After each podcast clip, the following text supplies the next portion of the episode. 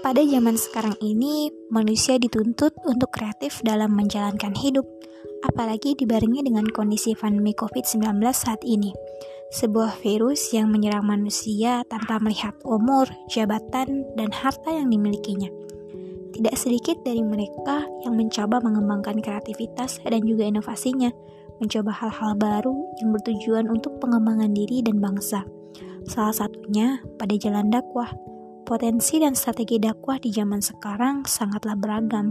Kini banyak para pendakwah yang menyebarluaskan Islam dengan media sosial. Sehingga tujuan dakwah dalam penyebaran Islam dan juga peran manusia sebagai khalifah di bumi dapat terlaksanakan sebagaimana dalam surat Al-Baqarah ayat 30. Dalam ayat di atas, Allah hendak menjadikan manusia sebagai khalifah di bumi, di mana tugas manusia adalah beribadah dan takwa kepada Allah Subhanahu wa taala.